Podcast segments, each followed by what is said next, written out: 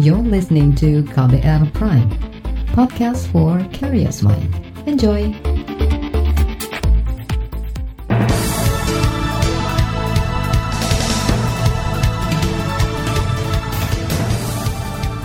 Selamat pagi saudara, senang sekali rasanya saya Reski Mesanto hadir kembali pagi hari ini di Buletin Pagi edisi Jumat 25 September 2020. Pagi hari ini tim redaksi KBR telah menyiapkan informasi untuk Anda. Di antaranya, Hari Tani Nasional petani tagi janji Presiden soal realisasi reforma agraria. Bergaya hidup mewah Ketua KPK Firly Bahuri hanya difonis sanksi ringan dan kasus COVID-19 melonjak, DKI Jakarta perpanjang PSBB. Dan saudara inilah Buletin Pagi selengkapnya. Terbaru di Buletin Pagi. Saudara, momentum 60 tahun Hari Tani Nasional yang diperingati kemarin diwarnai aksi unjuk rasa memasang spanduk berukuran besar di pagar besi gedung DPR MPR Jakarta. Beni Wijaya dari Konsorsium Pembaruan Agraria atau KPA menjelaskan, spanduk yang bertuliskan mereclaiming gedung DPR itu sebagai simbol para petani mengambil kembali hak-hak mereka termasuk lahan garapan yang dirampas investor dan negara. Dalam konteks gerakan tani, reclaiming adalah sebuah perjuangan petani untuk kembali mengambil tanah-tanah mereka, hak mereka yang sudah dirampas oleh investor dan negara. Dalam konteks ini, kita melihat di beberapa daerah banyak korporasi-korporasi diberikan HGU konsesi, tapi di sisi lain menelantarkan tanah mereka, tidak memanfaatkan sementara petani kehilangan tanahnya. Untuk itu petani-petani dalam konteks perjuangannya melakukan reclaiming untuk mengambil kembali hak mereka yang dirampas. Itu tadi Beni Wijaya dari Konsorsium Pembaruan Agraria. Ketua Dewan Nasional KPA Iwan Nurdin menyarankan pemerintah membentuk tim ad hoc penyelesaian konflik agraria yang mandek. Tim itu sangat mendesak untuk melanjutkan kebuntuan penyelesaian ribuan kasus konflik agraria. Kebuntuan penyelesaian terjadi terutama bila konflik itu melibatkan BUMN, lahan aset pemerintah apalagi yang diklaim milik perusahaan-perusahaan besar. Saudara, buruknya penerapan reforma agraria di antaranya datang dari Cilacap, Jawa Tengah. Kemarin sejumlah kelompok tani bahkan berkirim surat ke Presiden. Mereka mengingatkan implementasi perpres reforma agraria mandek alias jalan di tempat. Menurut pengurus Serikat Tani Mandiri, Yunus Anis, Presiden Jokowi harus memenuhi janjinya terkait reforma agraria. Nah situasinya kan kelihatannya masih ada di titik nol begitu, ya. belum jalan lah. Dulu kan janjinya Jokowi, kalau memang sampai September tahun ini belum berjalan, katanya mau diambil alih oleh Pak Presiden. Pengurus Serikat Tani Mandiri Yunus Anis mencontohkan, di Cilacap ada belasan ribu hektar lahan sengketa yang berpotensi menjadi tanah objek reforma agraria atau TORA. Kebanyakan merupakan kawasan hutan dan lahan timbul di Segara Anakan. Sejak puluhan tahun silam, petani sudah menggarap lahan itu, tapi kemudian lahan justru diklaim PT Perhutani dan sejumlah pihak lainnya. Sementara itu, juru bicara aksi Komite Nasional Pembaruan Agraria KNPA Dewi Kartika menagih janji Presiden dan pemerintah untuk memastikan realisasi reforma agraria. Menurut Dewi, reforma agraria macet total sehingga banyak merugikan masyarakat petani di sektor perkebunan, kehutanan, dan pertambangan. Sepanjang tahun lalu, aparat kepolisian disebut menjadi aktor utama dalam insiden kekerasan di tengah meletusnya berbagai konflik lahan. KPA mencatat ada 279 konflik agraria terjadi pada 2019. Jumlahnya diakui lebih rendah dibanding setahun sebelumnya yakni 410 kasus. Sedangkan tahun ini tercatat 35 kasus konflik agraria yang terjadi kurun waktu Maret hingga September ini. Konflik agraria itu muncul dari perampasan tanah, penggusuran, intimidasi, hingga penangkapan. Saudara Menteri Agraria dan Tata Ruang Badan Pertanahan Nasional atau ATR BPN Sofyan Jalil mengingatkan kepada jajarannya agar berhati-hati dalam melihat permasalahan lahan. Karena keteledoran kecil bisa berakibat fatal dalam menentukan kepemilikan lahan. Selain itu, beberapa waktu lalu ia mengaku masih menerima laporan terkait warga yang menerima perlakuan diskriminatif seperti pemidanaan dan perampasan tanah. Oleh sebab itu tanah ini harus tertib. Pertama tertib hukumnya, hak miliknya, tidak ada sengketa, ada kepastian. Oleh sebab itu kita juga harus menjadi sur penetap pemberian kepastian hukum. Jangan sampai kemudian BPN menjadi sumber yang menciptakan ketidakpastian hukum. Apalagi kemudian dengan kesengajaan atau keteledoran atau ketidakpedulian akhirnya sebuah hak si A menjadi milik hak si B. Menteri ATR BPN Sofian Jalil memerintahkan jajaran di bawahnya segera menghentikan perlakuan diskriminatif dan menyelesaikan masalah agraria dengan matang. Menurutnya, mengambil langkah hukum pidana dalam hal lahan tidaklah adil, lantaran membuat korban tidak bisa melakukan perlawanan sedikit pun. Saudara, Yayasan Lembaga Bantuan Hukum Indonesia atau YLBHI menyebut ada ketimpangan penguasaan lahan yang sangat tinggi. Misalnya lahan sawit yang dikuasai 25 grup perusahaan dengan menguasai lahan seluas 5,1 juta hektar atau hampir separuh luas Pulau Jawa. Menurut Ketua Bidang Manajemen Pengetahuan Siti Rahma Mari Herwati, hasil evaluasi dua tahun lalu oleh Gerakan Nasional Penyelamatan Sumber Daya Alam KPK mencatat ada 40 juta hektar lahan dikuasai penguasa besar, sementara rakyat hanya menguasai 1,7 hektar. Saya ini tidak uh, efektif begitu ya, tidak uh, jalan karena ada banyak hal yang ada di dalam perpres ini yang membuat penyelesaian konflik agraria jalan di tempat dan kemudian justru uh, konflik-konflik agraria semakin langgeng ya, uh, karena dilaksanakan oleh gugus tugas secara berjenjang, tidak ada keanggotaan masyarakat organisasi tani, uh, TNI, polisi, PNS menjadi subjek tora, begitu. Ketua Bidang Manajemen Pengetahuan YLBHI Siti Rahma mencatat sudah mendampingi 364 kasus konflik agraria hingga tahun lalu. Total luasan areal konflik itu lebih dari setengah juta hektar. Daerah yang paling tinggi kasus konflik agrarianya terjadi di Sulawesi Selatan dan Papua. Siti juga mencontohkan kasus di Trisobo Kendal, Jawa Tengah yang merupakan konflik agraria di lahan kebun karet seluas 152 hektar. Lahan itu diklaim reforma agraria oleh Badan Pertahanan Nasional atau BPN. Kasus itu bahkan menyeret 10 warga masuk penjara. Saudara, kita beralih ke berita mancanegara. Cina telah melarang masuk dua cendekiawan Australia anti-Cina di tengah meningkatnya ketegangan antara Beijing dan Canberra.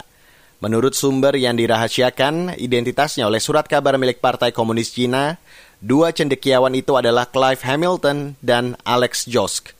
Visa keduanya dicabut atas dugaan penyusupan pada awal September lalu.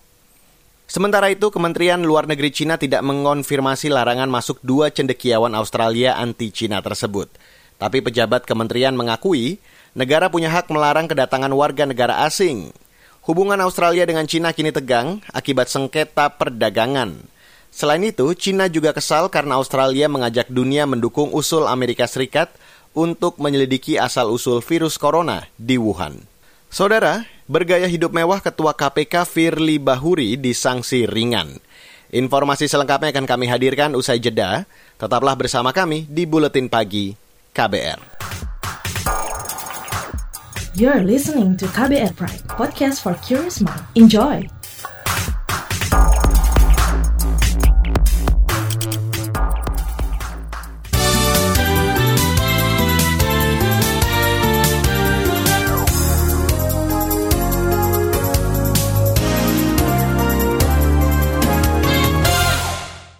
Ketua Komisi Pemberantasan Korupsi atau KPK Firly Bahuri meminta maaf kepada publik setelah difonis bersalah melanggar kode etik pimpinan.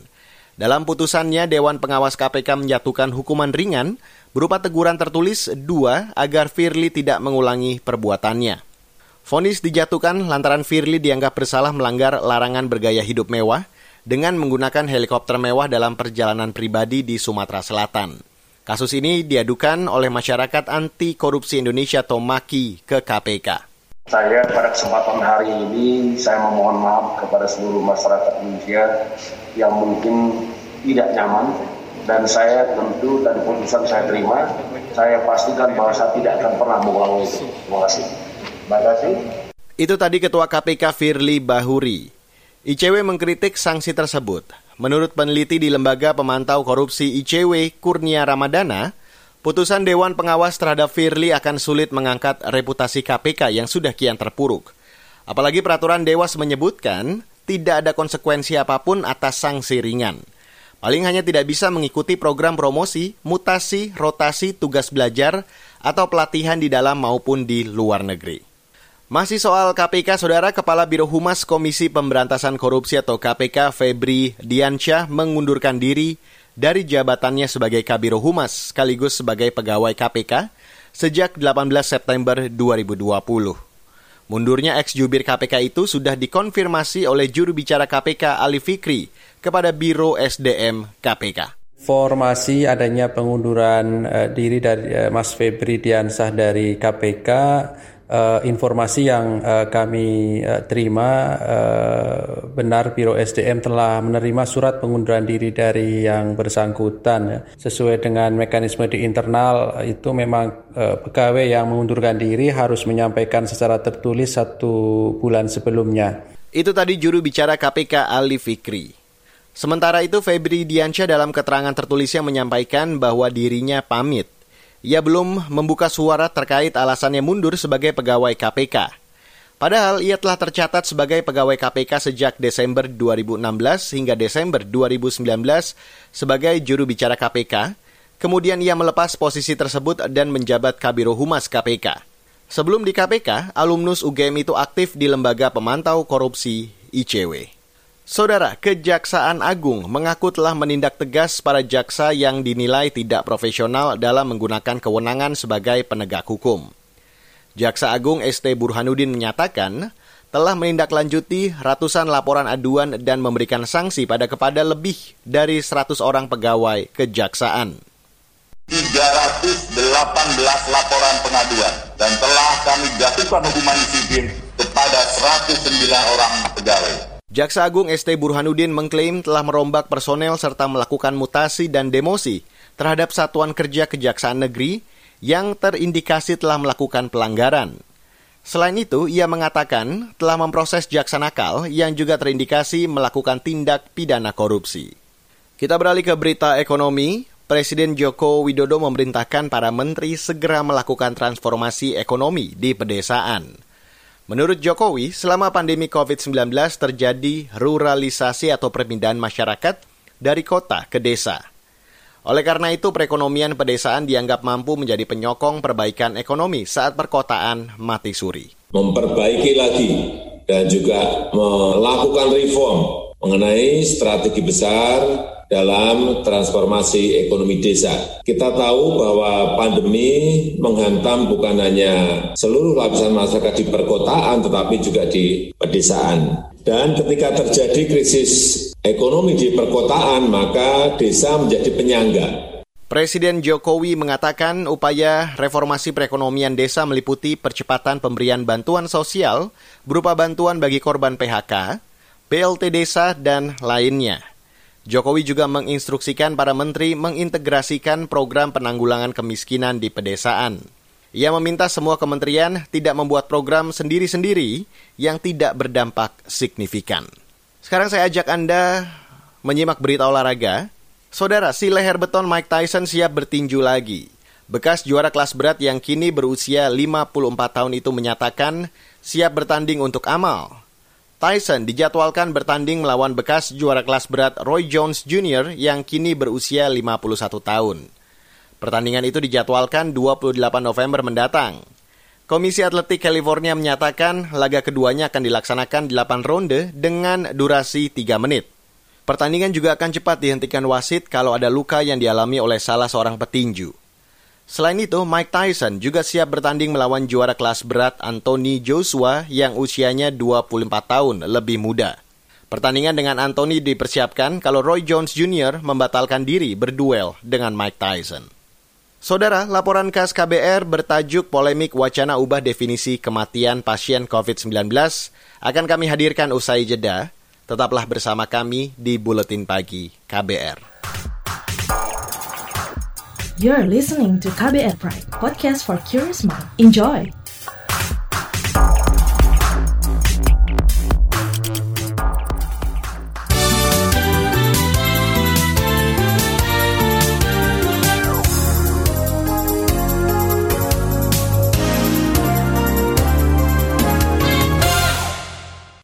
Saudara, wacana perubahan definisi kematian menjadi perbincangan hangat di publik. Usulan ini diduga diajukan Gubernur Jawa Timur Kofifa Indar Parawansa agar angka kematian di wilayahnya terlihat menurun. Lantas bagaimana sikap pemerintah?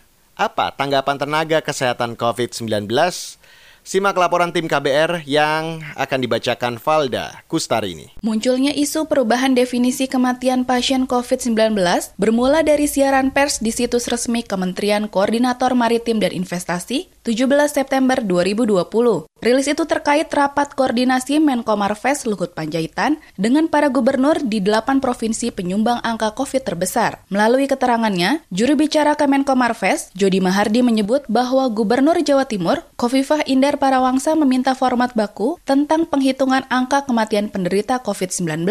Jody mengutip pernyataan Kofifah yang berbunyi, saya ingin Kemenkes memberikan acuan baku mengenai format penghitungan angka kematian, apakah dihitung karena COVID atau kematian dengan. COVID, karena ini sangat berpengaruh dengan keberhasilan pengendalian kasus COVID-19. Lewat usulan ini, Hovifah diduga ingin mengubah definisi kematian COVID-19 agar angka kematian di daerahnya terlihat menurun. Seperti diketahui, Jawa Timur menjadi provinsi dengan jumlah kematian tertinggi di Indonesia. Namun, tudingan tersebut dibantah oleh Hovifah dan Ketua Rumpun Kuratif Satgas COVID-19 Jawa Timur, Joni Wahyudi. Menurut Joni, definisi kematian tetap mengacu pada standar Organisasi Kesehatan Dunia WHO, yakni mencakup kasus suspek dan terkonfirmasi positif. Namun, ia meminta diperjelas apakah pasien meninggal karena COVID atau dengan COVID. Contoh kematian dengan COVID adalah pasien meninggal setelah mengalami kecelakaan parah, tapi belakangan diketahui positif COVID usai dites usap gagal nafas itu COVID. Tetapi kalau ada penyebab lain yang tidak ada kaitannya dengan kematiannya itu, misalkan orangnya kecelakaan, swabnya positif, kecelakaannya meninggal, hemorrhagic shock, karena perdarahan, itu bukan COVID maksudnya.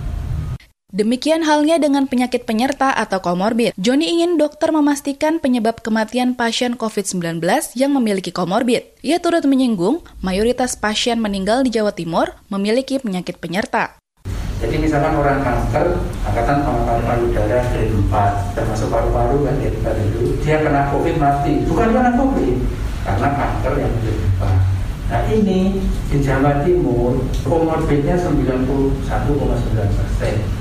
Penasehat Dirjen WHO untuk urusan gender dan pemuda, Dia Saminarsi memastikan definisi kematian COVID-19 belum berubah sejak dirilis 16 Mei lalu. Dokumen itu menyebut kematian karena COVID meliputi kasus probable atau suspek ataupun terkonfirmasi, kecuali ada penyebab lain yang jelas dari kematian yang tidak dapat dihubungkan dengan COVID-19.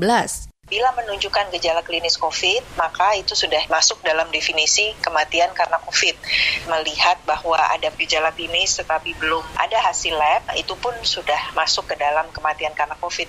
Dia mengatakan acuan WHO bisa saja direvisi, namun usulan perubahannya harus memiliki landasan ilmiah yang kuat. Apabila usulan perubahannya kepada WHO, maka WHO akan tentunya menampung usulan tersebut dan apabila ada evidence yang cukup kuat ke arah sana, maka bisa dirubah. Tapi kalau tidak berdasarkan evidence, maka belum ada perubahan. Dokter spesialis paru Franz Abednego Baru setuju jika ada upaya memperjelas penyebab kematian pasien COVID-19. Namun, ia meminta upaya itu tidak dilandasi motif pencitraan agar angka kematian terlihat rendah sehingga seolah-olah berhasil mengendalikan COVID-19. Saya setuju, hendaknya kita semakin tajam. Tetapi latar belakangnya bukan karena pencitraan supaya Indonesia bagus angka kematiannya rendah. Jadi dialih-alih dengan kematian karena stroke, karena serangan jantung. Franz mengingatkan ada persoalan lain jika penyebab kematian pasien corona tetap ingin diperjelas. Tenaga kesehatan pasti bakal makin terkuras karena mengurusi tugas tambahan, yakni melakukan otopsi jenazah pasien COVID-19 kesimpang siuran ini karena tidak membiasakan kita untuk autopsi. Dengan autopsi lah kita bisa menyimpulkan penyebab kematian yang sebenarnya. Dengan melakukan autopsi, wah pasiennya bisa 100 sampai 150 orang per hari meninggal, autopsi nggak akan mungkin kita laksanakan, tenaga autopsi kita sangat kurang. Sementara itu, pemerintah menegaskan belum berencana mengubah definisi kematian penderita COVID-19. Juru bicara Satgas COVID-19, Wiku Adhisa Smito mengatakan, pedoman WHO masih menjadi rujukan. Pada saat ini pemerintah Indonesia belum ada wacana untuk melakukan perubahan seperti yang diusulkan oleh Gubernur Jawa Timur. Pemerintah Indonesia menggunakan definisi kematian COVID-19 merujuk kepada acuan dari WHO.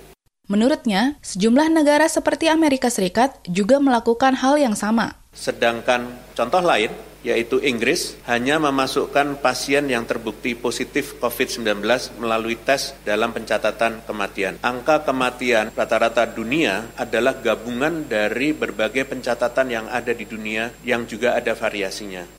Demikian laporan tim KBR, saya Valda Kustarini. Saudara, informasi dari daerah akan kami hadirkan usai jeda. Tetaplah bersama kami di Buletin Pagi KBR. You're listening to KBR Pride, podcast for curious mind. Enjoy!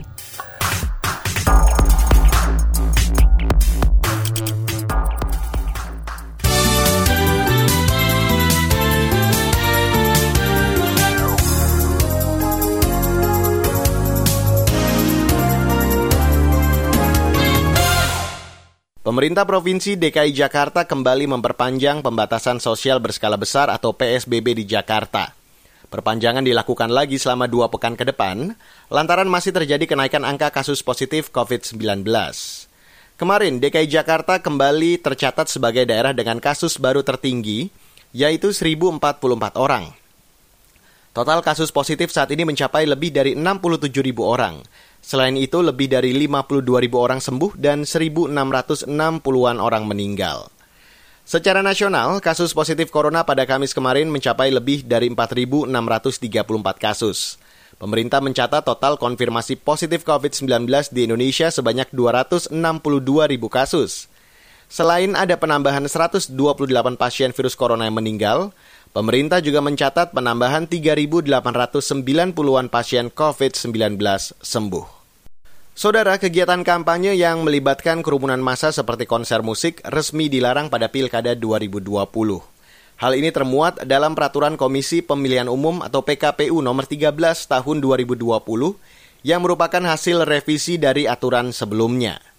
Aturan baru juga memuat sanksi bagi pasangan calon kepala daerah yang melanggar. Bentuk sanksinya mulai dari peringatan tertulis hingga pembubaran kegiatan kampanye. Langkah ini diambil KPU merespon desakan berbagai kalangan tentang kekhawatiran pilkada bakal memunculkan klaster-klaster baru COVID-19. Apalagi banyak kandidat terbukti mengabaikan protokol kesehatan saat mendaftarkan diri di KPU daerah. Puluhan calon incumbent mendapat teguran dari Menteri Dalam Negeri karena melanggar protokol. Kita ke Aceh, saudara. Seorang terpidana pemerkosaan anak di bawah umur berinisial RO dihukum cambuk 169 kali di Banda Aceh kemarin. Terpidana terbukti bersalah berdasarkan vonis Majelis Hakim Mahkamah Syariah melanggar konun Aceh tentang hukum jinayat. Awalnya, terpidana dijatuhi hukuman 175 kali cambuk, namun karena sudah menjalani penahanan 6 bulan, maka hukuman cambuk dikurangi 6 kali. Tadi pada pemeriksaan awal si terpidananya baik-baik saja, cuman mungkin agak sedikit ketakutan maka beberapa kali kan tadi terpidana tantangan kan untuk berhenti karena masih masih agak terguncang mungkin karena satu sekali untuk itu. Tapi setelah diperiksa yang untuk yang terakhir kali itu memang karena lukanya memang agak agak lumayan berat, sebaiknya ditunda dulu sampai uh, penyembuhan yang baik sehingga pasien bisa eh, tadi itu yang uh, terpidana bisa dicambuk lagi. Prosesi hukuman terhadap RO terhenti usai Algojo mendaratkan rotan ke punggungnya di hitungan ke-52 kali. Tim petugas medis merekomendasikan pencambukan dihentikan. Hukuman kepada RO akan dilanjutkan di lain waktu pasca kondisinya dinyatakan sembuh tim medis.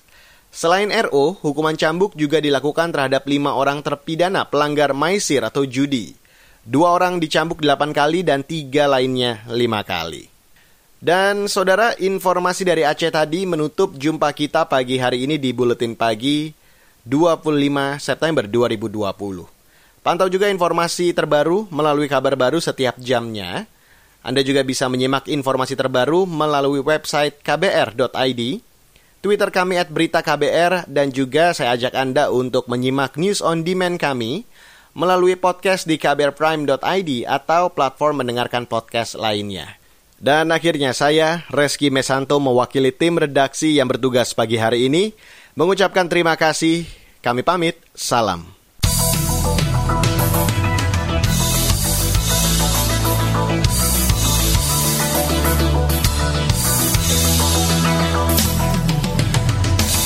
KBR Prime, cara asik mendengar berita.